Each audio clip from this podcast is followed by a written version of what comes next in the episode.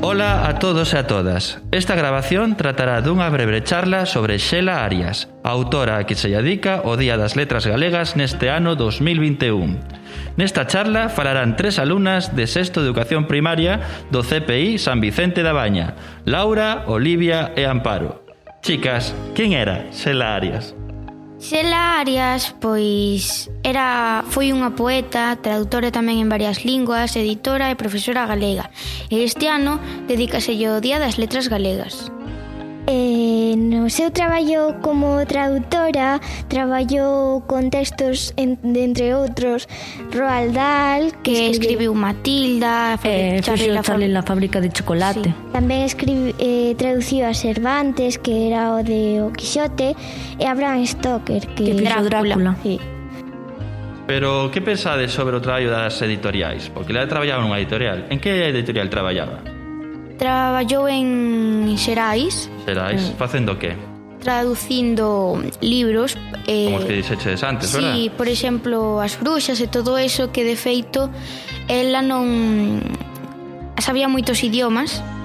Sabía neerlandés. Sí, sí, que é moi difícil. É, sí, moi complicado estudiar tantos idiomas ao mesmo tempo, porque a veces podes te trabar cunha palabra, con...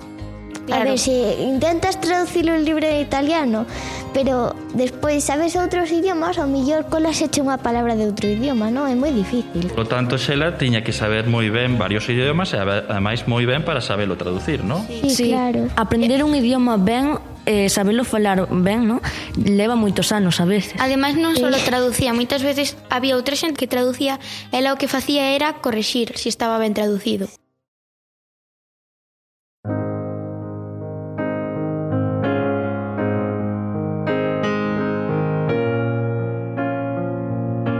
E fui moi reivindicativa, eh, que de feito escribiu, inscribiuse en Greenpeace, Ah, polo moi ben, reivindicativo pres... porque entonces de Greenpeace, que máis, que máis? O desastre de Prestige que axudou, sí. reivindicou. De que iba eso do Prestige? Eh, era un barco petrolero que era que andaba por aquí polas costas galegas, claro. elevaba petróleo, non, non estaba en condicións. Non, est non estaba en condicións para ir polo mar e ademais con tanto petróleo. Claro. Claro, entón pois fixose un burato ou algo e xa empezou a salir todo o petróleo.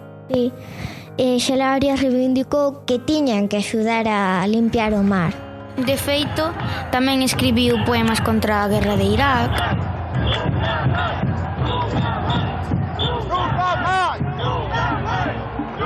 Para ela, Cal era a súa arma para queixarse ou reivindicar? As palabras. As palabras. Había moita xente que collía armas e todo eso, pero a súa arma eran as palabras. Sí. Os poemas. Foi profesora de literatura secundaria en centros que están por aquí cerca tamén, como Santa Comba, Santiago... Sí. Eh... E creo que retomou os estudios, porque deixara sí. de estudiar. Cando rematou de estudiar? En facendo a COU. A facendo a COU, sí. no? Que é o último, despois... o último curso do instituto. E cando, eh, bueno, cando deixou COU, pois pues, empezou a traballar, pero despois retomou os estudos e eh, iniciou Filoloxía Hispánica. Sí, que seguramente retomou os estudios pois porque a mellor cansouse ese traballo ou quería traballar noutra cousa e pois necesitaba outros estudios para traballar ao. Eh, tamén foi poetisa de lingua galega. Sí. sí reivindicaba o seu uso, non? De feito, escribiulle un poema ao seu fillo que se chamaba Darío. E... fixo un libro de poemas que se chama Darío Diario. Sí. Bueno, ahora, se si vos parece ben, vamos a decirvos un poema que escribiu Xelallas que se chama A Lingua.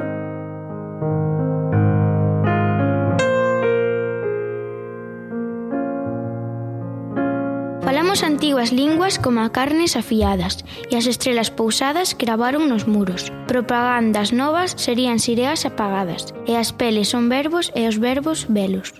Amósame a lingua, amásame na lingua, ámame coa lingua, fálama. Son conscientísima de que o empregar unha lingua minoritaria pecho portas, que iso non me fará cambiar de idioma. Agora teño o idioma inclinado nas entrañas moi ben, moitas gracias por esta charla tan interesante, chicas. Espero que volvamos a falar nesta Radio San Vicente. Chao.